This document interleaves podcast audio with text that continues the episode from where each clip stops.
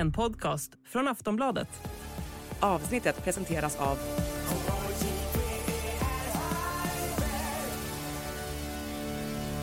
Stödlinjen.se, åldersgräns 18 år.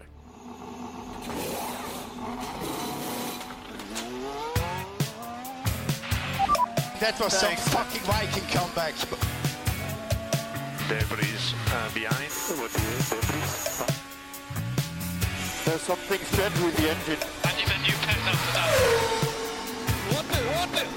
Yeah, what is this tractor? What is this tractor on track? Set my balls, on. Get my gloves and steering wheel.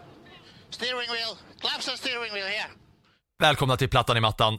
Jag orkar inte hålla på och småsnacka och chitchatta om massa andra saker utöver all racing som har varit. För det har varit en hel del racing. I söndags den 28 maj var det en sån superracingdag som började med Monacos GP, eller ja, superracingdagen var väl kanske dagen innan på lördagen när kvalet var Monaco och dagen efter var det race och Indy 500 där det var så nära att en svensk klev upp högst upp igen. Och det var även nära att en annan svensk var där uppe också. Och vi ska prata om både Indycar och Monaco. Men Anna, hur var din söndag egentligen? Min det var ju mors dag. Grattis i efterskott. Ja, men tack så mycket. Så jag tillbringade en eh, dag i lugn och ro, eh, typ, med eh, Formel 1 och Indycar. Det var eh, fullt ös. Jag tror att jag hade puls ganska högt vid ganska många tillfällen. Och du vet, man skriver nytt, skriver om, ändrar. Eh, Man har förberett, får klicka ner, fixa till, ändra om och sen så kan man ge sig 17 på att ingenting stämmer i alla fall på slutet. Men du satte dig då ner på Monacos GP för att chatta med läsarna och lajva eh, Monacos GP. Absolut. Det var ju kanske inte superstressigt rent att snacka om racet, men det är väl ändå en del intresse. Kollar hela Monacos GP, rafsar en text efter det där, skriver eh, om eh, hela Monacos GP och sen laddar om för Indy 500. Precis, det var typ 45 minuters matpaus emellan. Oj, oj, oj. vad åt du för mat då? Eh, grillad kyckling. Oh! Men den fick du lagad va? Den lagade något av dina barn på mors dag åt dig. Den lagade min, min man åt mig. På mors dag, bra. Ja, då. Nej, men det, var, det är ju sådär att ehm, när det blir så tätt och så hett, man kan ju tycka liksom att Monacos GP, det hände inte så mycket, men det är ju ett par varv Eh, i det racet där det också är otroligt mycket som händer samtidigt. Och det är så roligt nu när vi har läsa kommentarer för att man märker också hur folk plötsligt vaknar i samband med de första små regndropparna. Så vaknar alla och då är, då är det plötsligt inte tre meddelanden in, då är det 14 på en gång. Och alla de som ställer eh, vettiga frågor, vettiga kommentarer och inte bara uh, de vill man ju också svara på och delge. Liksom. Så då blir det en hel del. Men du, vi kan väl börja med kvalet, va? Ja, jag, alltså jag tänkte fråga bara, vi- ty, tror du ens, jag undrar vad våra läs, lyssnare är mest intresserade av att höra om en sån här dag. Indy 500 eller Monaco. Ja, vi är Sportbladets Formel 1-podd, Plattan i mattan. Men en gång om året så är det ju Indy 500 va? Och särskilt i såna här tider. Vad, vad tror du som ändå har bevakat eh, Formel 1 och motorsport för Sportbladet sedan eh, tidernas begynnelse på 1800-talet? Nu fick du mig att framstå som äldre än vad jag faktiskt är, Filip. Nej, jag fick det framstå som att du alltid har jobbat på Sportbladet. Ja, men det har jag faktiskt nästan alltid gjort, när, bortsett från några korta år på Svenska Dagbladet, när jag fortfarande var eh, tonåring och under 18. Sen Eh. tror jag också våra läsare förstår så pass mycket ironi att du inte har rapporterat om motorsport sedan 1800. Eftersom VM har pågått till 1950, sedan 1950 så hade det varit rätt bra gjort. Men vi kanske ska börja med Indy 500 ändå, för jag, någonstans så känner jag att just nu, jag hade faktiskt ett intressant samtal med Fredrik af Petersens här tidigare under förmiddagen och han var också helt eh, i extas om nu vår fantastiska radiosport F1-reporter kan vara i extas över avslutningen på det racet. Ja, alltså, och jag såg ju, jag såg inte hela, eh, jag var ute och spelade golf, men sen kom jag hem och så startade jag, jag började liksom med Indy 500 för att då visste jag att jag skulle kunna se i kapp så att jag kunde se avslutningen live. För jag spolade väl kanske, jag vet inte, de där 80 varven i Du början. spola! Nej, men jag kollade på uppsnacket och starten och så spolade jag liksom så här, ja men någon minut här och någon tio minuter där och såg till så här, ja Felix och Marcus i topp, det ser bra ut, det ser bra Du ut, stannade menar till alltså lite. att du spolar i årets mest upphåsade och händelserika lopp. Sitter du Ja. och spolar? Ja, fram tills det var händelserikt. Exakt så gjorde jag. För att annars hade, jag inte, annars hade vi inte kunnat sitta här nu dagen efter och spela in podd. Då hade jag sagt, nej vi kan inte spela in podd för jag ska fortfarande sitta och kolla på, på allt det där. Så du, om det, om det var någonting som du vill prata om liksom mellan varv 20 och liksom 89, då kan du gärna få göra det. Eh, men de andra varven är jag med om. Så jag spolade ju då och sen så såg jag ju det fa- som faktiskt hände under det där eh, händelserika avslutningen va, från att eh, svenskarna båda två var i topp efter 132 varv när det var två svenskar längst fram, Felix Rosenqvist och Marcus Eriksson. Men det är ju ett race, tycker jag, att Indy 500 som är väldigt mycket som Indy 500 är och brukar vara. Det vill säga att allting kan hända, allting händer också, men ingenting händer egentligen före varv 100. Ja, jo, nu var det varv 92, men man, när mannen med det coolaste namnet, Stingray Rob, Ja, Stingray Rob.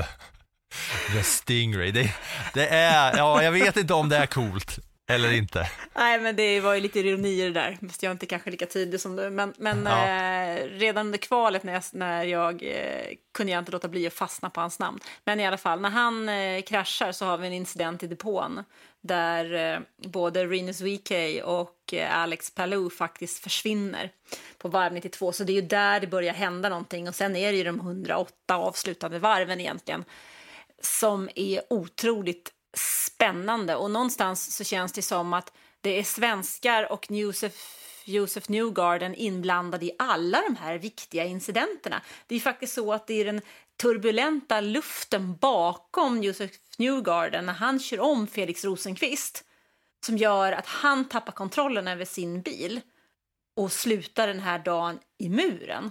Vilket ju är... Ah, Jag vill komma, jag vill komma till Felix, jag vill bara, på, innan eh, vi kommer dit till de här händelserna på de sista hundra varven. Hade du liksom en feeling innan du som har följt det i flera år, att det var liksom, det låg mer i luften i år ur ett liksom svenskt intresserat motorperspektiv med att Felix hade varit så bra, med att Marcus vann förra året, med att Marcus fortfarande liksom var en av de stora kandidaterna redan på förhand, även fast han startade längre bak. Var det liksom, kände man mer så här att ah, det bubblar lite mer här? Jo, men det tycker jag att det gjorde. Det tyckte jag att det gjorde redan under liven på F1 så var det ju många som laddade inför Indy 500. Så, att, så att det tycker jag absolut att det har gjort och det har blivit en större medvetenhet kring det. Men jag tror också att det har väckt väldigt mycket frågor för att som jag uppfattar så är det ju många som inte förstår riktigt varför det blev som det blev i slutet på det här loppet. Man hänger inte riktigt med för man är så van vid F1 och, och den grunden. Man ser liksom, man följer Formel 1 och ser kanske Drive to Survive eller har följt F1 länge. Men Indycar hoppar man liksom in i och tänker att ja, men det här är väl ungefär samma sak fast de kör på en oval. Och det är det ju absolut inte. Utan det är ju enhetsbilar, de går ju fort som sören på den här ovalen, men vi har ju bara det är liksom fyra kurvor, två raker typ och eh, 200 varv. Det är en enorm skillnad mot eh, Monaco till exempel. Ja, och just det där med du säger att det är en ovalbana och fyra kurvor. Man kan ju nu se när jag var och körde Indy 500 på Sportbladet.se som vi publicerade dag, på samma dag som Indy 500. Alltså Eh. Du körde simulatorn, du var inte där och Ja, körde ja, ja, ja, ja, ja, exakt. Och det framgår klart och tydligt att det är simulator jag kör. Men känslan var så på riktigt så att för mig är det som att jag har varit där och kört. Och jag vill bara säga då på samma sätt som, eh, som ni, det fanns liksom läsare då som kanske chattade med dig som kollar på F1 i vanliga fall och sen då som nu var extra peppade för Indy 500. Likt jag en av dem. Men jag vill återigen, jag sa det många gånger i, i den redigerade filmen som, eh, som jag har klippt ihop när jag var och körde simulator, att det är, det är inte bara fyra kurvor. Det känns som att det är nio olika kurvor när man sitter och kör och inte har gjort det förut och kollat liksom detaljstuderat den där ovalbanan. För för mig som då fick testa den, alltså i då när man kryper ner i en riktig kaross, sitter med gaspedalerna och en likadan ratt som, som, som superavancerad så som förarna har och man, det är en gigantisk skärm framför dig, så är det inte bara rakt fram och, och runt, runt, utan kurvorna är liksom unika, varje kurva i sig. Jag, min känsla var att det var nio kurvor och det gjorde ju blandat med att jag gjort den här podden nu i ja, 64 avsnitt och att jag har följt eh, liksom motorrapportering mer, att jag kollar på mer motorsport någonsin, så var jag också, likt många av våra lyssnare, mer peppad på Indy 500. Och jag vet inte riktigt var jag skulle landa i det här, jag ville bara komma, liksom, åter en gång förtydliga att för mig fick det så mycket upprättelse efter att liksom ha pluggat på lite om Indy 500 att det faktiskt inte är bara runt, runt, runt. Vilket gjorde att jag kollade på det med mer spänning än vad jag kollade på Monacos GP här hemma. Nu till det som hände i racet på Indianapolis Motor Speedway, va? Det var ju så att Felix startade ju eh, superbra, Marcus startade superbra och det gick, såg länge, länge riktigt fint ut. Och jag tänkte verkligen, alltså det här måste vara så unikt att det är två svenskar som är så här långt fram i världens största livesport-event. För 132 varv in i det här loppet så är Felix etta, Marcus tvåa och så bytte de väl någon gång där fram och tillbaka. Det, men förra året så var ju faktiskt Marcus etta och Felix fyra i mål. Så att, eh, Ja, jo, jo, jo, det vet jag ju, det så vet jag också om. Det var ju spännande då också, men nu med Felix kval i ryggen och att båda såg så himla bra ut, Marcus regerande mästare och så vidare. Ja, nej, men det, känd, det kändes ju jätte, jättebra eh, hela vägen. Och eh, både Felix och Marcus sa till mig när jag pratade med dem innan att ja, men 30 varv från mål. 30 varv från mål, alltså cirka varv 150 då, så måste man vara med. Och där går båda två in i depå. Eriksson gör ett kanonstopp. Rosenqvist gör också ett jättebra stopp och tar två placeringar. Och de ligger ju här i ledningen liksom. Och så kommer Pat Award och han fick ju stryk i fjol av Eriksson. Det minns vi ju också, hans ilska efter det. Och han går ju förbi Rosenqvist. Och så blir Rosenqvist omkörd av Newgarden också. Och där kommer ju då den här smutsiga luften som gör att Ja. Felix tappar kontrollen över sin bil och han går in i muren och han smäller ihop med Kyle Kirkwood och det flyger däck. Liksom. Jag, jag trodde nästan att det där däcket, när jag ser det så känner jag bara shit, alltså bara det inte går rätt ut i publiken. Ja, alltså det där, bo, alltså bo, den där, den, när Felix kraschar, jag tror inte jag har så här blivit känslomässigt lika påverkad av någon sporthändelse det här senaste året. Trots liksom, eh, ah, jag vet inte, trots att jag följer extremt mycket sport, jag har mycket känslor i sporten, men alltså när Felix då efter 184 varv går i muren, jag sitter här hemma och kollar med min, min sambo som, så här, ja, hon tycker ju inte det är jättekul att kolla på Formel 1 och än mindre kolla på Indy 500, men jag har liksom ändå byggt upp det här. Hon har varit med mig och kört den här simulatorn också och kollat på, hon är liksom en del av min, min, liksom, min vardag och mitt livspussel som F1-poddare och sportjournalist. Så hon hon, har är liksom, racingfru numera. Nja, inte riktigt som, alltså, apropå racingfruar, produktionen som typ filmade in Marcus Erikssons fru och Newgardens fru mer än vad de filmade själva racet. Det vill vi fan också lämna därhän. Men min tjej då som inte bryr sig särskilt mycket, hon sitter också och flyger då upp i soffan och båda vi bara nej, nej, nej, nej, Uff, det är fel. Hon bara nej, är det svensken? Nej, det är Felix. Jag ställer mig upp, jag ställer mig upp och sätter mig ner på, på fötterna i soffan. Nej. Och jag blev liksom innerligt ledsen när det var att det var två svenskar i topp och att just en av svenskarna då smäller in. Och på det här sättet, det såg liksom, för det var ingen rå megakrasch för Felix. Det var mer att så här, ja den där luften försvinner, bilen trycks väl inte ner gissar jag nu eh, här med min kunskap som jag tillskansat mig under året. Vilket gör att han inte får grepp om bilen när han ska svänga och därför så slidar han ut i muren där. För det såg ju liksom, det såg så, liksom, i den där hastigheten så är det ju, det är ju inte värdigt att säga att det ser taffligt och lite så här lamt ut. Men det, är, det smäller ju inte så himla mycket, det är så, det är så lite. Ja, men det, är så, det, är det som är på något där så typiskt Indy 500 för det är så lite som gör så himla mycket. Och sen så när, när Kirkwood liksom smäller runt och, och det, det gnistrar och det ser ut nästan som ska börja brinna om den där bilen och däcket liksom som man ser över staketet ut mot läktaren och så står det en skeva där nere va, som får det mitt i fronten. Alltså, tänk om Men det, det tog ju ett tag, men det tog ju ett tag innan man, fatt, innan man fick se att det där däcket flög ut. Där var ju jag i kapp. Tycker du? eh, Ja, alltså jo, innan man får repris, reprisbilderna. Ja, men jag tycker man ser- ser det rätt tydligt ganska Ja, ja, precis nej, men- i nej, men man ser att- kraschläget, att, det försvinner. Ja, ja. Och det då var det första, tänker jag Det var bara, det första vi skrek. herregud Men att man liksom. ser att det flyger utanför läktaren, det är det jag försöker säga. Man såg att det flög upp på läktaren för att först står man där och skriker nej, nej, nej Felix.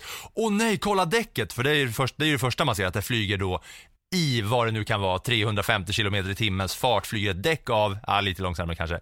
Men i den hastigheten, rakt upp mot läktaren. Det var ju det första man såg. Innan det då kom reprisbilder som visade att det precis missade läktaren. Alltså det där däcket, ett sånt tungt däck med fälgar och hela kalaset på liksom. Det dödar ju minst fem pers i en träff i skallen alltså. Ja, alltså, det är ju faktiskt så att det finns en, en, eh, en förare som har vunnit eh, F1 och MotoGP, han heter John Surtees. Hans son, Henry, dog under ett, om det var ett Formel 2-lopp faktiskt, när han fick ett sånt där däck i huvudet. Och eh, Stefan Wilson, som eh, kraschade nu så illa i kval, eller under en träning inför Indy 500, hans brorsa, Justin, han dog under ett Indycar, eh, i samband med ett Indycar-lopp. Sen han har också fått bildelar i huvudet. Det är en av anledningarna till att de kör med den här aeroscreenen och inte halon. Och det finns ju en massa såna här eh, olyckor från tidigare tillfällen. Ja, alltså det var så sjukt att se det där räcket för att Alltså just att det inte bara är ett däck utan att det kommer i sån sjuk fart också. Bara för lite eh, tydlighets skull då om någon kanske, in, någon kanske lyssnar och inte har sett det. Felix går ju upp i muren och sen så får han inte grepp på bilen, den går i med bak, bakdelen och sen så går den upp i muren innan han kommer ner sladdar runt när, eh, när det alltid inte sitter och då kommer, eh, vem var det som kom där bakom? Kyle Kirkwood. Ja, exakt. Och kör då in i en lit... Han kommer ju i en sån sjukt hög fart när han... Eh, och hinner liksom inte väja undan helt för Felix. Utan han träffar och då lossnar ju hjulet och flyger alltså rätt upp. Rätt upp på läktaren. Rätt upp, parabasmält. Ja, det, det, finns en, det finns en eh, olycka, den går jättelångt tillbaka i tiden så att till och med inte jag har sett den, från 1955. På Le Mans så faktiskt eh, är den värsta kraschen i F1-historien. Jag tror det är, det är 50 människor som eh, dör eh, på läktaren efter det att, och det är 150 typ som, som skadas eh, i samband med att det flyger upp grejer på läktaren. Och det var faktiskt anledningen till att eh, Mercedes drog sig ur Formel 1 på 50-talet. Så det har ju hänt sådana där fruktansvärda olyckor. Jag, alltså jag fick verkligen hjärtat i halsgropen och bara tänkte vart tog däcket vägen? Vart tog däcket vägen? Så fick man liksom sitta och vänta på att man ser att det verkligen landar mellan två stycken läktarsektioner. Och det är det som också är så sjukt för att i vanliga fall så kan man alltid gå till Twitter och så är det någon som har filmat på läktaren så ser man direkt, alltså typ så här, Stockholmsderbyt i, som var i söndags också. När det liksom eh, kukar ur totalt på läktaren, då kan man alltid bara gå in på Twitter så är det folk som har filmat på läktaren så får man liksom publikens vinkel. Men det var ingen som hade liksom, för att det händer så snabbt. Just då var det, det var så, det gick inte att hitta någons vinkel nära på det där däcket innan det då kom upp den här bilden på den här bilen på parkeringen som hade fått. Och jag vill säga då om det, det är en vit eh, Chevrolet som får den här eh, smällen. Och det ser inte, alltså jag trodde det skulle vara hundra gånger värre. Ja, men alltså, jag, jag funderar lite, när jag, när jag såg det så pustar man ut sig. Så tänkte jag bara så här, ja men hur låter det när han ringer till försäkringsbolaget dagen Ja. efter liksom? Bara, Ja. ursäkta, jag har varit eh, på racing och fått ett bil. Har du kört racing med din bil? Nej, nej, jag har parkerat min bil och fått ett däck liksom.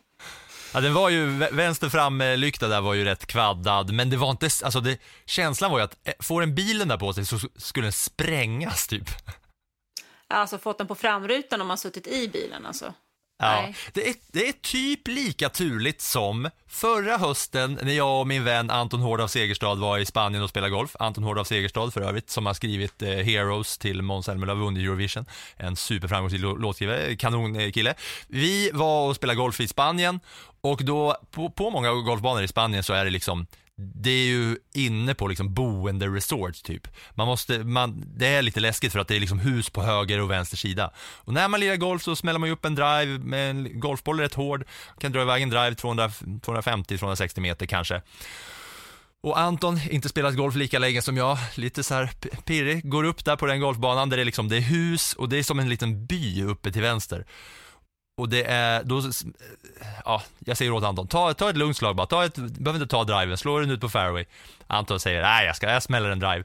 Drar upp den där driven och den går rätt ut, stenhårt ut i den här bebyggelsen bland folk. Och vi hör då, alltså jag slänger mig på golvet och rullar omkring där på, på grästid för att jag försöker gömma mig för att jag vet att det här kan gå illa. Och det låter då som att ett hus exploderar av hans golfboll. Så går vi, så går vi ner då på fairway, så kom, vi, vi liksom vill ju försvinna därifrån av, av skam. Så kommer det en herre då, en eh, liksom, ja, han kanske är 57, en engelsk, eller en, en britt. Och så bara, Excuse me sir, is this your ball? Frågar han, så har han med en, en golfboll då. Anton och jag, både Anton och jag skäms, jag tänker att jag låter han lösa det här. Jag har inget med det här att göra. Anton bara, nej det är inte min, så står går vi där, skäms ett tag, ja, bla bla bla. Anton till slut tar sitt förnuft till fånga och ber om ursäkt, säger det är min boll, jag ber om ursäkt, förlåt, vad hände? Och då säger han, ja ah, men det är en stor buckla i min bil, vi går med upp till eh, den här lilla byn och då, då har han då slagit sin golfboll, jag håller upp med händerna hur stor en golfboll är. Den har alltså gått typ 240 40 meter rätt upp i ett liksom husområde med parkeringar och grejer. Och så kommer vi upp och vi är livrädda att han har då en svindyr bil som Anton då har liksom skjutit sönder, för nu har han erkänt att han har gjort det här. Så kommer vi upp, då står det en Porsche Cayenne parkerad. Mitt emellan så står det en gammal typ så här Merca från 87. Till höger om den står en Porsche Cayenne. Antons boll har då träffat den gamla Mercan precis ovanför rutan, alltså där man öppnar framdörren på, på, på förarsätet. Om man öppnar dörren där så är det ju en ruta och precis ovan där, som, ovanför dörren så är det en liten karm mellan tak och sida så att säga. På den lilla, lilla, lilla ytan, där kom golfbollen. Hade den gått en meter vänster så hade han krossat framrutan på en Porsche Cayenne. Hade den gått två meter höger hade han spräckt eh, rutan på en annan Porsche Cayenne. Hade han slagit en tio meter längre så hade han kanske träffat, jag vet inte, ett barn eller någonting. Lång utläggning om att det är lika sjukt att det här däcket på Indy 500 träffar en Chevrolet som är gjord av Kevlar. Det var ju en jädra tur alltså. Ja, och jag fick sådana flashbacks till den för att då hade, jag hade sådana konstiga känslor när jag gick upp, vi gick upp där efter den här rundan. Anton fick skämmas lite. Sen, sen ja men, apropå försäkring, de, de made a deal. Vi åkte till en bankomat sen så tog Anton ut eh, 100 euro och bara betalade svart där. Så var det löst, men jag tänker att eh, här kanske de löser det på ett annat sätt. Nog om däcket kanske, eller? Ja, men hade det varit eh, några på Porsche Cayenne så hade han nog fått skriva några hitlåtar till, känns det som. Ja, det, så var det. Alltså det var så nära. Det är otroligt att det ens kunde hända. Okej, Felix i muren i alla fall. Felix får eh, skamset lämna och det är röd flagg och sen så är det röd flaggs mayhem och allt handlar om Marcus Eriksson och hans omstarter. Ja, men det gör ju det. Och någonstans tycker jag att det är de här två sista omstarterna som vi kokar ner det i, för annars kan vi sitta här i flera timmar och snacka. Um, och jag skulle säga att det är ju, han får ju ett guldläge när det är fem varv från mål. Då har Pat Award brutit efter lite kontakt med Marcus Eriksson och det där tror jag eh, är någonting som Pat Award inte kommer att glömma och antagligen kommer att betala tillbaks vid senare tillfällen. Yes, och jag, men jag tror samtidigt att hade situationen varit den omvända så hade han inte heller lämnat en millimeter till Marcus. Så att, hmm, ah, vi glömmer den. Men vi kommer i ett läge det är fem varv från mål och Josef Newgarden leder. Man tänker att nu är den här avgörande sprinten. Nu blir det lite som det var i fjol eh, när Marcus lyckades ta hem det fast han då hade ledningen. Liksom. Och omstarten kommer, han går upp i ledningen. Men så är det en förbannad kollision längre bak i kön. Och då har Marcus liksom kämpat sig upp i ledningen och domarna måste till och med titta, vem är det som är först här? I exakta sekunden när gulflagget kommer ut, det är så reglerna är va? Ja, precis. När, vem är det som är först, så vem ska starta först sen? För de får ju hålla på och plocka rent på banan där nere, plocka bilar av banan. Så att de här fem varven, de tickar ju ner. Så alla bilar in i depå och det slutar med att vi har ett varv kvar. Och vad blir skillnaden då? Jo, skillnaden är ju att den här gången så måste de köra ett varv. Ingen uppvärmning av däcken, ingenting överhuvudtaget. Det är inte gulflagg i mål, för det vill man ju inte ha i USA. Man vill ju ha show hela vägen in. Och Marcus inser ju att han har ju ingen chans, för han startar först. Han håller undan, han håller undan, han håller undan, men på bakrakan kan han ju inte göra någonting, för Newgarden får ju en perfekt slipstream. Det finns ju ingenting Marcus kan göra, han gör allt rätt. Men loppet och segern ges ju till Josef Newgarden eftersom det bara är ett varv kvar. Men vad hade man kunnat gjort annorlunda? Ja, de hade ju inte kunnat köra två varv för då hade Indy 500 det här året varit eh, 201 varv. Och det går ju inte heller. Gul flagg vill man inte riktigt ha va, i slutet på ett sånt. Nej, men allt av, alltså, det är ju hit man kommer sen till slut. Att man kör i 200 varv, eller ja, 198 varv då, och att det till slut då ska bli sån, att det ens är möjligt att det kan bli sån helvetisk jävla galen spänning mot slutet med sån hög puls. Mm.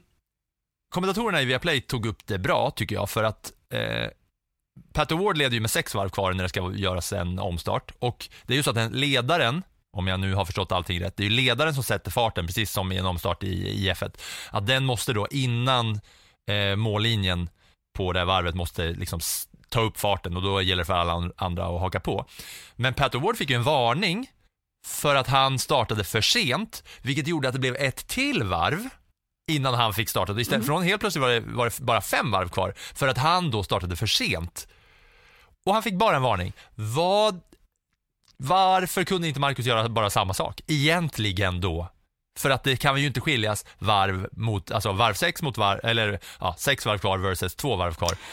det, det borde ju vara samma bedömning om Marcus Eriksson gjorde exakt samma sak. Ja, det borde det, men nu måste du också komma ihåg att vi har ju, det är ju USA det här. Det är Amerika. Det är ju inte bara världens största idrottsevent, det är the greatest spectacle of racing, alltså spektakel. Det är ju den största showen av alla.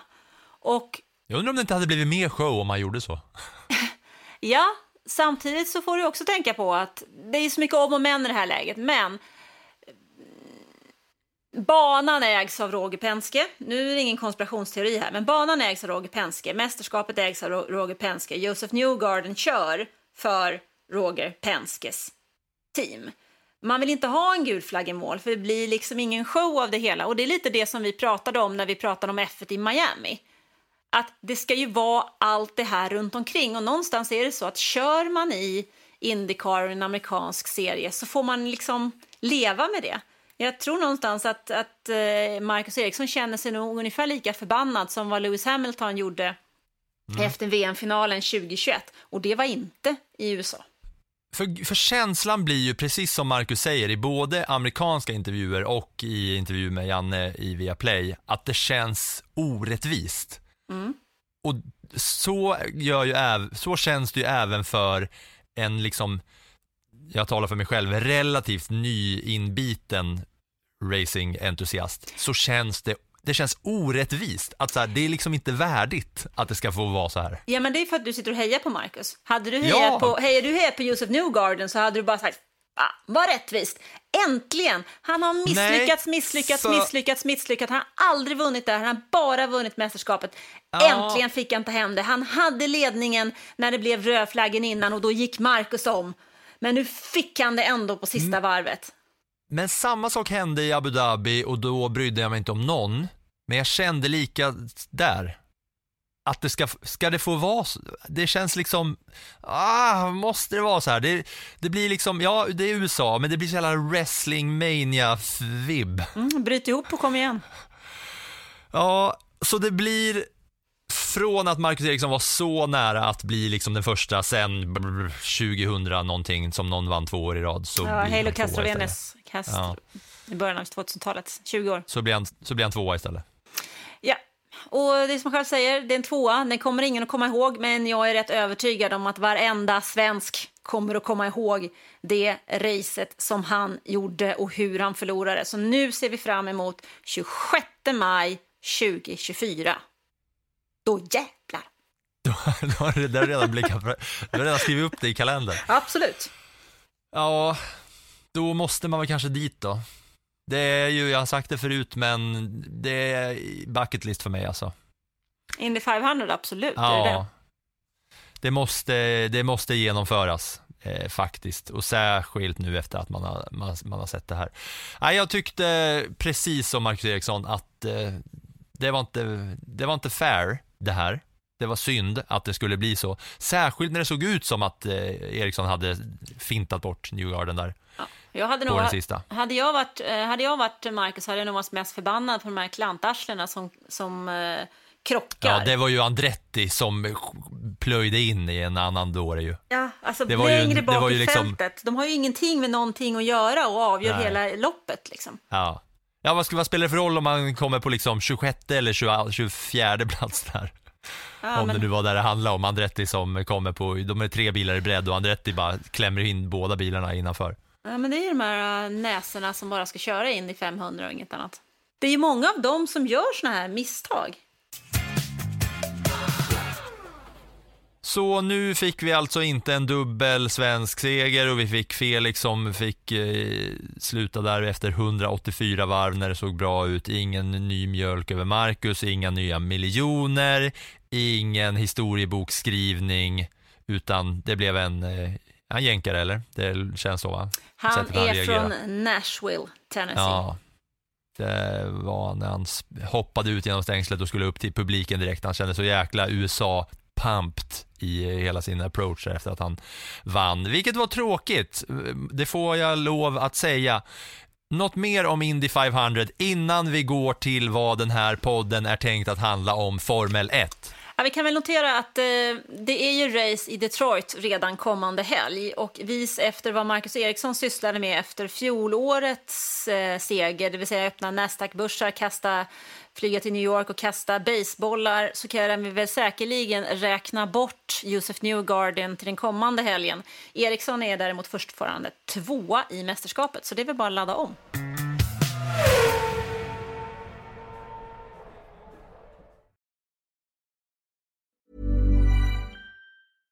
Hey, I'm Ryan Reynolds. At Mint Mobile, we like to do the opposite of what Big Wireless does. They charge you a lot, we charge you a little. So naturally, when they announced they'd be raising their prices due to inflation, we decided to deflate our prices due to not hating you. That's right. We're cutting the price of Mint Unlimited from $30 a month to just $15 a month. Give it a try at mintmobile.com slash switch. $45 upfront for three months plus taxes and fees. Promo for new customers for limited time. Unlimited more than 40 gigabytes per month. Slows. Full terms at mintmobile.com.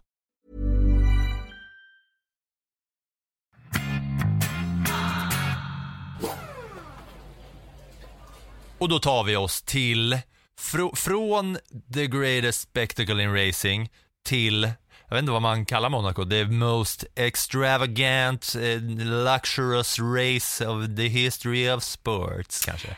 Nej, men det är ju faktiskt så att de här två ingår ju tillsammans med Le Mans 24 timmars lopp i det som kallas för trippelkronan. Eh, och det är bara en förare någonsin i historien som har vunnit de tre. Indy 500, Monaco GP och Le Mans. Och det är Graham Hill som tyvärr inte lever längre. Eh, och det är, men det är många som har försökt. Alonso till exempel, han har ju försökt, eh, ska se, Villeneuve har väl också försökt va?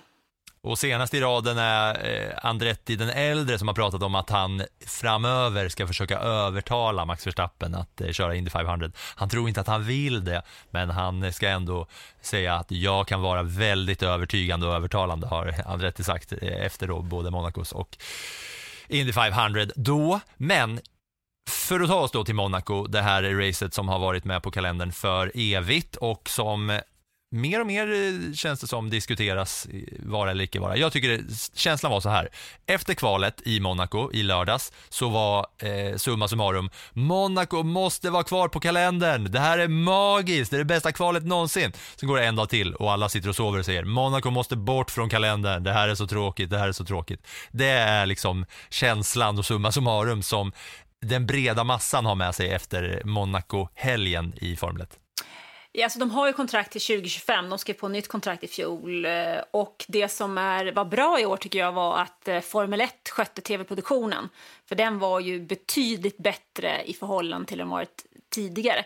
Men kvalet... De gjorde, det sam, de gjorde det i sam, det var en samproduktion har jag läst mig till, att eh, de gjorde den tillsammans. Ja, men- Tidigare har ju inte F1 fått vara med, men nu, de gjorde den inte helt själva utan det var fortfarande Monaco själva som var med och bla bla bla. Ja, vi kan väl konstatera att F1 styrde upp den, för det var ju en enorm kvalitetsskillnad på vad vi som ska ta del av upplevelsen fick se i förhållande. Eh, kvalet, det som är bra, höll jag på att säga, det som jag kände mycket med det här kvalet är ju dels att eh, Sergio Perez försvinner i Q1. Det öppnar ju upp på väldigt mycket. Plus att det är ju det här sista varvet där Fernando Alonso i sin Aston Martin har två tiondelar på Max Verstappen in till den början av den tredje sektorn.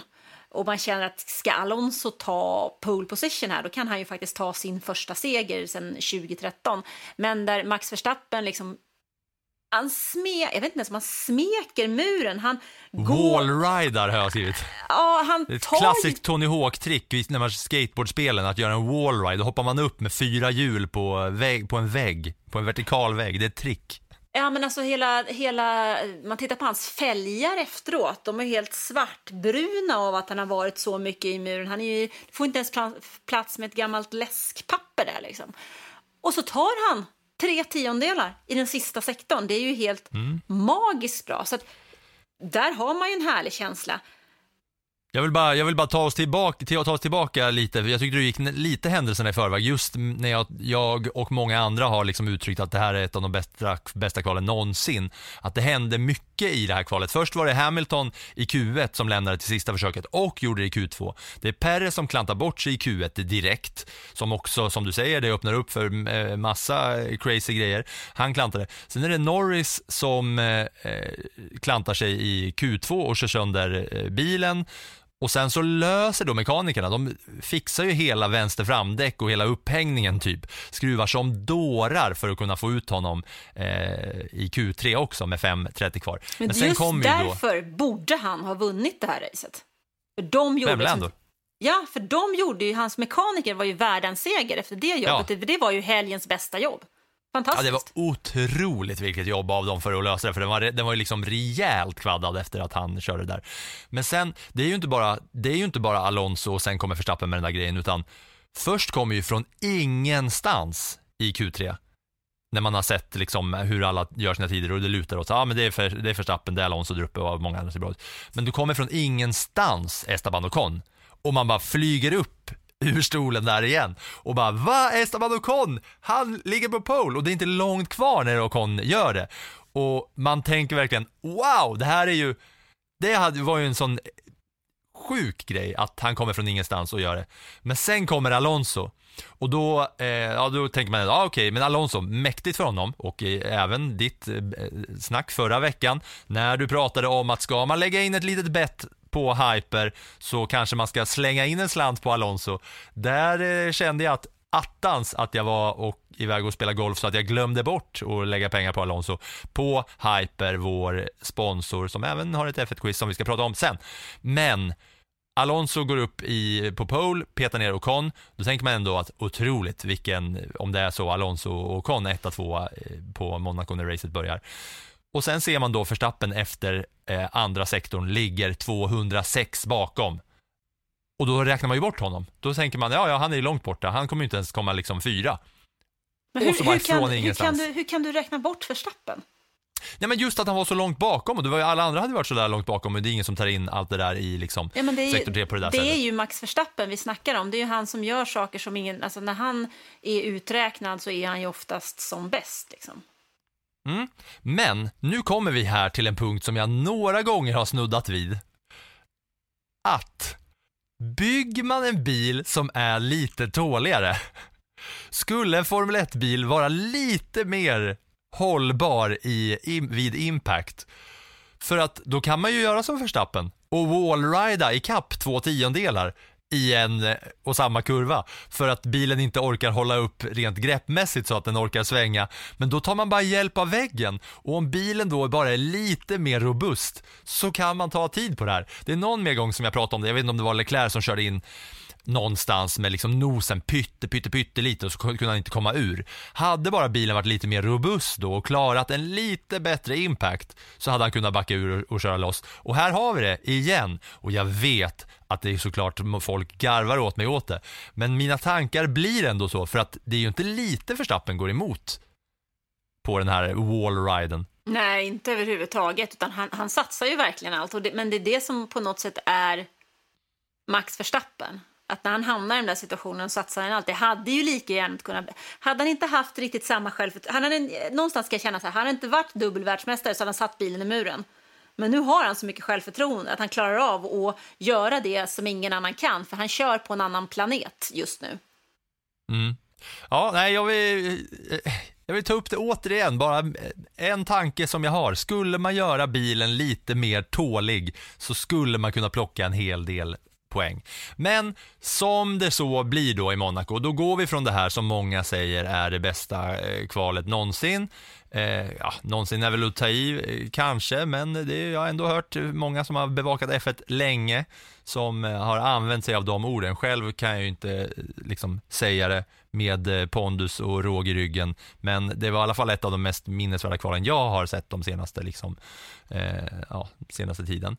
Eh, och sen då blir det en startordning med Verstappen, Alonso och Con och det blir även en slutordning med Verstappen, Alonso och Con. Mm. När racet sen körs, för att sen, det händer inte jättemycket i racet.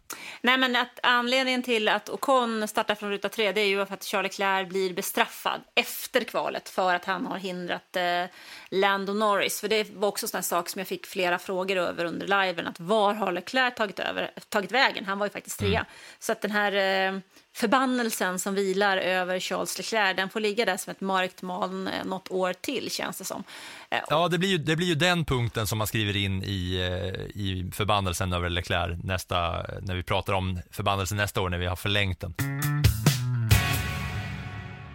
Ja, men, men sen så var själva racet då, det, trots försnack om regn så startade det torrt. Och det hände inte jättemycket förutom att Lance Stroll typ var sämst eh, i den hårnålskurvan och klantade sig rejält i början och det såg ut som att han inte riktigt visste hur man skulle köra bil tyckte jag var lite roligt. Det står ju faktiskt 6-0 i det där teamet. Det är det enda teamet där det är en förare som fullständigt krossat den andra. Och det är ju Alonso Stroll. 6-0 kval och i race. Mm. Vet du vad jag pratar om i alla fall i början där när, när Stroll ja, ja. körde bort sig och liksom trodde att han skulle kunna åka på utsidan och så blir han klämd och så smäller han med nosen och sen säger han oj jag har puncture här. Ja men det känns, ju, det, känns ju som den, ja, men det känns ju som den nollan som jag precis pratade om.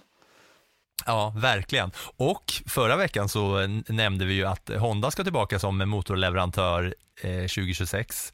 Då är det väl kanske så att Alonso är lite äldre och det är fortfarande pappa Strulovic som äger teamet. Men Yuki Tsunoda är ju Honda eh, through and through. Eh, så där eh, börjar jag redan blicka framåt, men även fast det är lång tid kvar. Men ja, utöver Strolls eh, klantigheter i början så var det ju inte så mycket så att eh, snacka om. Va? Det var, Perez gick in på hårda däck direkt, tog två platser i depån. Det var lite kul. Det var två liksom overtakes där. Men sen så var det ju tvärnit för honom för att eh, Logan Sargent var ju inte kanon han heller utan han bromsade upp allihopa eh, där. Och rent racingmässigt så är det väl inte så mycket att säga fram till regnet eller? Vad, Nej, vad har man för punkter? Det finns några stycken kanske. Ja, men jag tycker över, överlag så är Monacos GP i år blev en väntan på regnet. Alltså vi väntade på att någonting skulle hända. För faktum är ju att de här stora breda bilarna kan inte köra om på Monacos gator. Det, det krävs ett samarbete med bilen du ska köra om eller att den gör, på något sätt gör ett misstag och, och släpper till. Eh, som annars... Logan Sargent var typ den enda som gjorde, han släppte tre bilar på raken. Eh, ja, där fick vi tre omkörningar i alla fall. Men, men annars så är det den typen av misstag, ja, men som vi ser när Carlos Sainz till exempel eh, inte klarar av att stanna utan i stort sett kör in i Ja. Ocon är det väl va? Han var också så jävla klantig den här helgen, Sainzen. Ja, nej men det är det är sådana saker som vi ser som kan påverka. Men jag tycker att i slutändan, det får man, det får man på köpet när det är Monacos GP. För man vet att det finns inga marginaler. Det är några marginaler. Ska det hända någonting utöver det vanliga så krävs det lite regn. Och den här gången så kom det ju regn. Men regnet kom ju egentligen i början bara i två kurvor och där gör ju Alonso ett misstag. Sen är man inte säker på om det hade hjälpt ändå, men han går ju in, han har ju startat på hårda däck till skillnad från Verstappen som har mediumdäcken. Så Alonso går in och byter till mediumdäcken för här, eftersom det är torrt på 99% av banan så vill han inte ta intermediates. Han väntat lite till och tagit intermediates när regnet kom så kanske utgången hade blivit en annan och han i alla fall kunnat pressa Verstappen. Nu tog han mediumdäcken och så fick han gå in igen och plocka intermediates varvet efter i stort sett. Så att där hade det kunnat finnas någonting som skulle ha kunnat ger det en liten spänning, mm, men det blev inte så mycket mer. Det var high risk, high reward på det beslutet. För hade det varit så att det hade funkat och att det inte hade kommit mer regn så hade det varit så jävla dunder av eh, Alonso. De var ju tvungna att göra någonting. De var tvungna att byta, alltså testa för att han låg så pass långt bakom Verstappen. Så de var tvungna att gå på antingen att vi ska välja slicks nu eller så ska vi lita på det här för att eh, ja, alla kommer gå över på intermediates. Hade det funkat så hade det ju varit ett genidrag. Men nu blev det istället det som kostade en kanske kamp om segern. En ko- kostade en möjlig kamp om segern, så kan vi säga. Det är väl där, Mm. Det det är var väl där synd. vi ligger. Ja, det var jättesynd, för den hade man behövt, kände jag Ja. den eftermiddagen. Någonstans så får man alltid frågan, ska Monaco försvinna eller inte? Jag tycker ändå att racet har en viss betydelse för Formel 1 och jag gillade också, precis som du, verkligen kvalet. Men det blev lite platt och det blir säkert ännu mer platt i år med tanke på att förhållandena mellan Max Verstappen och resten av fältet än så länge fortfarande är så pass stort. Det känns ju inte som att det finns i nuläget på de här typen av banor så finns det ju ingen riktig utmanare. Jag är ganska spänd på att få se. Alltså vi har kört sex race i år. Red Bull har Vunnit alla. vunnit alla, men det är fortfarande 14 lopp kvar och någonstans så eh, tänker jag nästa helg kommer vi till Spanien. Eh, Mercedes hade med sig sin uppdatering till den här Det har vi inte ens sagt, det var faktiskt en stor snackis ju, Mercedes nya uppdatering, för det var ingen liten, det kanske vi måste säga, det har ju inte så mycket med själva racet att göra, men Mercedes nya bil, vad fan? Ja, men de hade en uppdatering. Det var uh, hjulupphängning fram, det var golv, det var um, sidepods. Framförallt, ja, framförallt sidepodsen. Och, och eh, där var ju Toto Wolff väldigt irriterad efter tredje träningen när eh, Hamilton faktiskt kraschar och de lyfter upp bilen på en kran och lyfter den över så alla kan plåta bilen underifrån. Och det är ju något av det hemligaste hemliga som finns på en F1-bil så är det ju hur golvet ser ut underifrån. Så där var han ju himla irriterad. Men om man går tillbaks då så slutar Mercedes fyra och femma i det här racet och det här är ju en bana som inte alls är representativ för resten av säsongen. Den är otroligt unik. Men ändå så kommer det positiva tendenser och då blir jag lite spänd på att se vad händer i Barcelona som är en bana som är representativ för resten av säsongen där du har två eh, sektorer i början som hänger ihop och en helt annorlunda tredje. Det är en mycket, mycket bra testbana. Och för ett år sedan så var det dit som eh, Aston Martin kom med sin stora förändring och då såg vi vad som hände med dem från att vara sköldpadda och tvärsist så klev de upp till en, en bra kandidat med kanske inte rätt förare i fjol. Men i år så har ju Alonso visat vad den bilen är kapabel till. Och är Mercedes möjligt att de kan ta samma steg under en kortare tid, ja, då kan det hända någonting under de här 14 loppen. För någonstans tror jag mer på Mercedes än på Ferrari. Ja, och framför allt att de nu ser ut som alla andra bilar. Innan så, alltså deras icke-befintliga sidepods var ju även för ett otränat öga lätt att liksom urskilja från hur den bilden utseendemässigt skiljer sig från de andra. Så när jag såg den där live, då tänkte, det såg ut som att den var liksom bankad med en jävla kulspetshammare, typ den där jävla sidepodsen, eller sidan som var liksom ner nedhamrad. Den är så jäkla annorlunda. Men nu ser de ut som alla andra bilar med breda eh, sidepods. Eh, sådär. Det var ju det var en stor, stor, stor förändring rent eh, på, på bilen. Sådär. Och Hamilton kommer fyra. Ja, men Såg jag tycker ändå fyra... otrolig ut, men det var bra. Eh, nej, men jag tycker ändå fyra, femma för en helt ny bil. Det tar ofta en liten stund innan man kommer in i den här bilen. Och, menar, de hade ju antagligen inte, de hade antagligen varit sämre med den förra bilen, så det var väl ett, ett steg. Sen får vi se nu när vi kommer till Barcelona vad som kan vara möjligt och utveckla framöver. Men det verkar som att den här nya bilen, eller så som de uttrycker sig i alla fall, så har den nya bilen en större potential än vad den gamla hade. Och just det är ju lovande, att det finns någonting där. Ja. Mm, det var lite, alltså, om man ska säga något mer om det här då, så var det väl i alla fall att, så att det, det blev lite roligt när regnet kom, för det hände lite roliga grejer. Först och främst så såg ju Stroll ut som att han hade, jag vet inte, 10,0 promille och skulle försöka köra där och bara sladdade in, bumpade från vägg till vägg. Först in i höger sida, sen in i vänster sida. Kunde inte styra bilen överhuvudtaget. Det var ju halt som is, såg det ut som. Ja, alltså, det var men det var roligt att det var Stroll som, som då liksom körde korsade liksom mellan väggarna och tog hjälp hela vägen, kunde inte ta sig fram. Och, och eh, Magnusen sladdade omkring lite också. Det var, det var en del lite roliga sådana saker som hände. Många som missade där efter tunneln, körde rakt ut för de inte ja, de var över, övermodiga där också. Men det blir halt helt enkelt och sen blir det ju ex- ännu halare liksom för greppnivån försvinner ju med regnet plus att du har ju de här, det är vanliga gator så du har de här vi, vita målningar, målade i på och det är ju halt.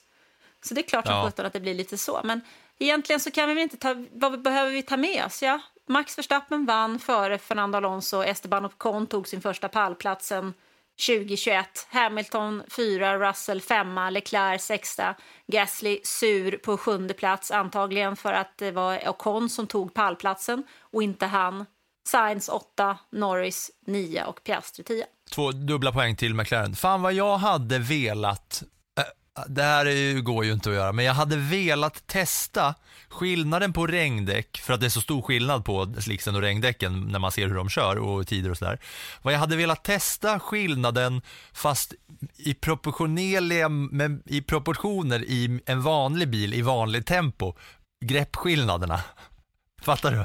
Att jag skulle vilja ha på min vanliga bil så skulle jag vilja känna skillnaden men jag skulle inte vilja behöva köra i 250 km i timmen. Jag skulle vilja känna samma proportionerligt stora skillnad som det är på slicks och intermediates i regn. För av intresse hade det varit kul att veta hur, hur stor skillnad det skulle vara. Vill du eh, plussa på det här racet då kanske? Men det kan jag väl göra. Jag vet inte, plussa på helgen, det var ju, kvalet var ju mer intressant, men du, du gör precis som du vill. Det är dina regler, det är dina plus, Anna. Nu sätter du igång och sätter plus på Monacos GP.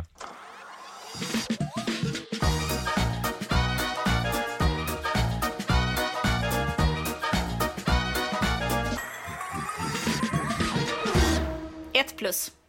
Haas. Det där är ju en helg att glömma. Jag skulle vilja veta hur många gånger Günther Steiner sa fuck under den här helgen. För han måste ju vara helt vansinnig nu. För att det har ju inte blivit den förändringen som han hade hoppats på. Och egentligen tror jag inte att det har så mycket med föraren att göra utan snarare med bilen. Eh, två plus går till eh, Lewis Hamilton. Han gick emot stallet med sin setup, men han slutar ändå fyra med den här uppdaterade bilen. Och det känns någonstans som att, eh, även om det inte är ett steg framåt, så är det i alla fall en eh, bra riktning kan man väl säga för Mercedes. Tre plus går ju till eh, Fernando Alonso, även om det var- nu var hans beslut att ta de här mediumdäcken och- med regnet. Kanske hade han kunnat lyckats med någonting, jag vet inte. Men en andra plats, han kommer närmare och närmare den där segern som... Eh, det hade varit lite kul om han hade kommit till Spanien, va? Om en vecka. Alonso vinner i Spanien, i nästa Martin. Vamos Alonso! Ja, det hade varit lite läckert. Fyra plus, Esteban Ocon. Trea, första pallplatsen sen segern i Ungern 2021. Då. Och sen så får vi ge fem plus till Verstappen som nu är uppe på 39 segrar, vilket är fler än vad Sebastian Vettel tog för Red Bull. Han tog väl 38 av sina 53 segrar för Red Bull Racing. Och Jag vill bara, 30, 39 segrar på Max Verstappen. Jag skulle vilja veta hur många plus han har den här säsongen. Jag tror, ska räkna, jag tror jag ska räkna ihop alla Verstappen plus efter den här säsongen för att eh, det är konstant där Ja, det känns ju som att det, han är extremt konstant just nu. Motorstoppet går i alla fall till Sergio Perez för han kastar bort VM-titeln på en stadsbana. Hallå? Det hade man inte kunnat tro. Håller med. Och innan vi rundar av med att blicka framåt mot nästa helg där det ska racas i Spanien så ska ni få några små stats här som inte vi har nuddat innan.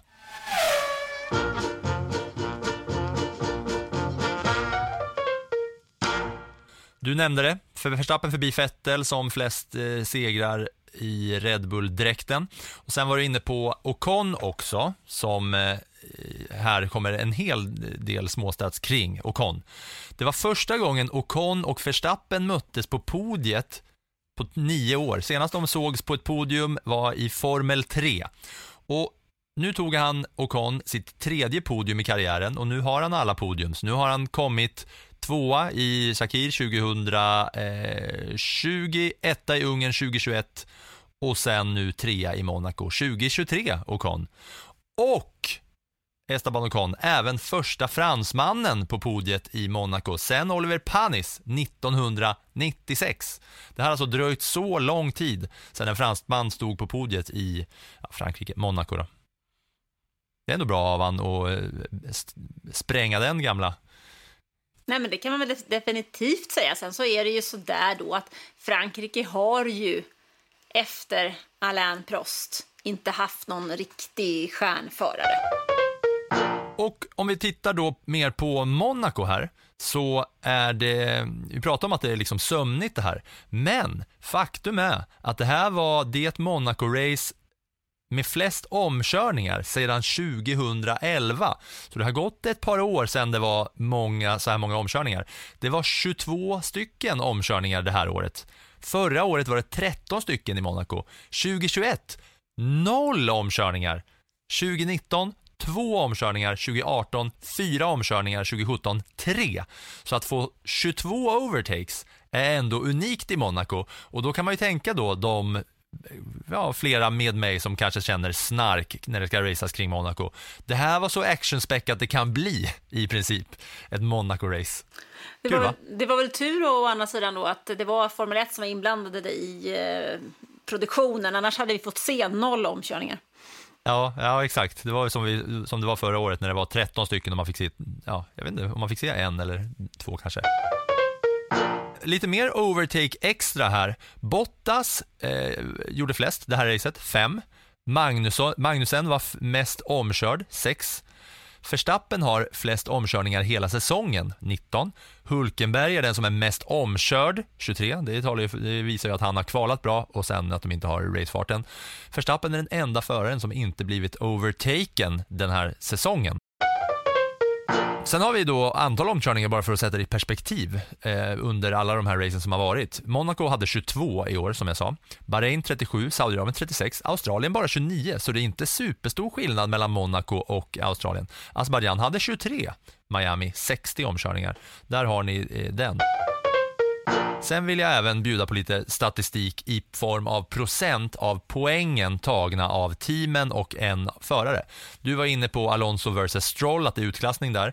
Alonso har nämligen tagit 78 procent av alla Aston Martins poäng. Verstappen har tagit 58 procent av Red Bull. Sen är det Norris som har tagit 71 procent. Hulkenberg har tagit 75 procent av eh, mot respektive team.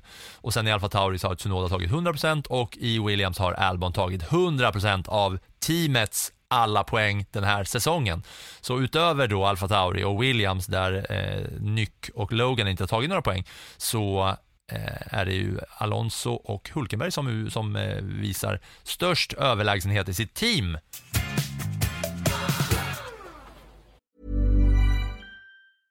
Finding your perfect home was hard, but thanks to Burrow, furnishing it has never been easier. Burrow's easy to assemble modular sofas and sectionals are made from premium, durable materials, including stain and scratch resistant fabrics. So they're not just comfortable and stylish, they're built to last. Plus, every single Burrow order ships free right to your door. Right now, get 15% off your first order at burrow.com slash ACAST. That's 15% off at burrow.com slash ACAST.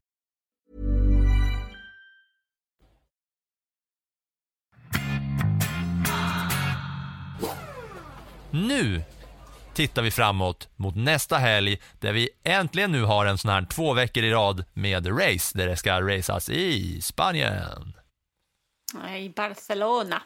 Banan, vad ska vi säga om den? 4,675 kilometer. Den ser nästan ut som en croissant faktiskt, den här banan. Om man tittar på den uppifrån, det vet jag någon gång när jag var där, så fick man faktiskt eh, croissanter som man gjort som såg ut som eh, Eh, banan i eh, pressrummet där. Men vi har ju sagt det här så många gånger att det här är en bana som alla förare kan i sömnen. Sektor 1 och sektor 2, jätterytmiska, kurvorna flyter in i varandra. Och sen kommer den tredje sektorn som är någonting helt annat. Det är långsamt, det är hackigt, det är lätt att slita däck. Och den här kombinationen gör att det är svårt för stallen att hitta rätt inställningar. För antingen så funkar bilen i de första två sektorerna eller i den sista. Och en förare kan också ligga jättebra till efter de två första sektorerna i ett kval till exempel och sen tappa en halv sekund i den tredje sektorn. Så att eh, vi ska ta med oss att det är en knixig bana att sätta en stämpel på. För det är svårt att hitta rätt inställningar. Men vi ska också ta med oss att en, en bil som fungerar bra i Spanien har en tendens att fungera bra under resten av säsongen också. Det som jag kan tycka är lite spännande med den här banan det är att det kan vara ett antal depåstopp faktiskt. Däremot, alltså det kan vara så att man vinner på två depåstopp. Det har också hänt att man vunnit på tre depåstopp eh, som i fjol. Och det, då finns det ju fler möjligheter till att göra misstag. Men den förare som har vunnit från högst startposition är startposition 5. Så att eh, ofta så finns det en vinnare i, det, ja, i första startled. Eh, här. I fjol så vann eh, Max Verstappen fast det var Charles Leclerc som hade pole position. När Charles Leclercs bil smällde rakt framför mina ögon där jag satt i 36 graders värme och brände sönder mig rygg utan solkräm framför en spanjorska som ropade varje varv “Vamos Carlos!” Sen kom Alonso, då ropade hon “Vamos Alonso!” Exakt samma tonfall. Mm. Det säger min tjej fortfarande när vi kollar på F1 här och någon bara nämner Alonso, då ropar hon Vamos Alonso, vamos Carlos. Mm. Det blir kul. Hamilton har faktiskt vunnit eh, sex gånger i Spanien. Eh, Schumacher har också vunnit sex. Alonso har två segrar. Det blir, jag är lite spänd faktiskt på hans eh, insats den kommande helgen. Plus att jag är lite spänd på vädret. För att nu är vi i och för sig i början av veckan, men jag har sett lite prognoser som pratar om regn åt Barcelona-hållet. Och jag vet vid något tillfälle när jag varit där så har det varit så fruktansvärt kallt och blött även i maj, juni. Vamos Alonso! Så känner jag inför Spanien.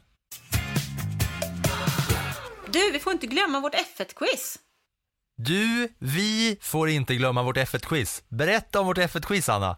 Ja, men man kan ju vinna en resa för 17 gubbar till uh, Ungerns GP där man kan få hänga med dig lite grann om man nu vill det. Uh, det är flyg, hotell, biljetter till lördagen och söndagen för två personer som står på spel. Jag har gjort lite frågor som man kan eh, testa sina kunskaper med på eh, sportbladet.se. Och sen eh, lottar vi ut en vinnare som vi ringer till när vi spelar in nästa veckas podd. Så har man svarat bra på frågorna och har telefonen i närheten så har man en god chans och vinna de där två biljetterna. Så se till att göra quizet på sportbladet.se. Där går man in så klickar man och skriver ert mejl och ha mobilen på ljud och notiser 5 juni så att vi inte ringer någon och så är det ingen som svarar. Det vore tråkigt för den som kanske gör det. Nu säger vi tack för den här veckan och vi hörs igen när vi, har, när vi ska snacka om Spaniens GP där det är Vamos Alonso som gäller. Tack och hej!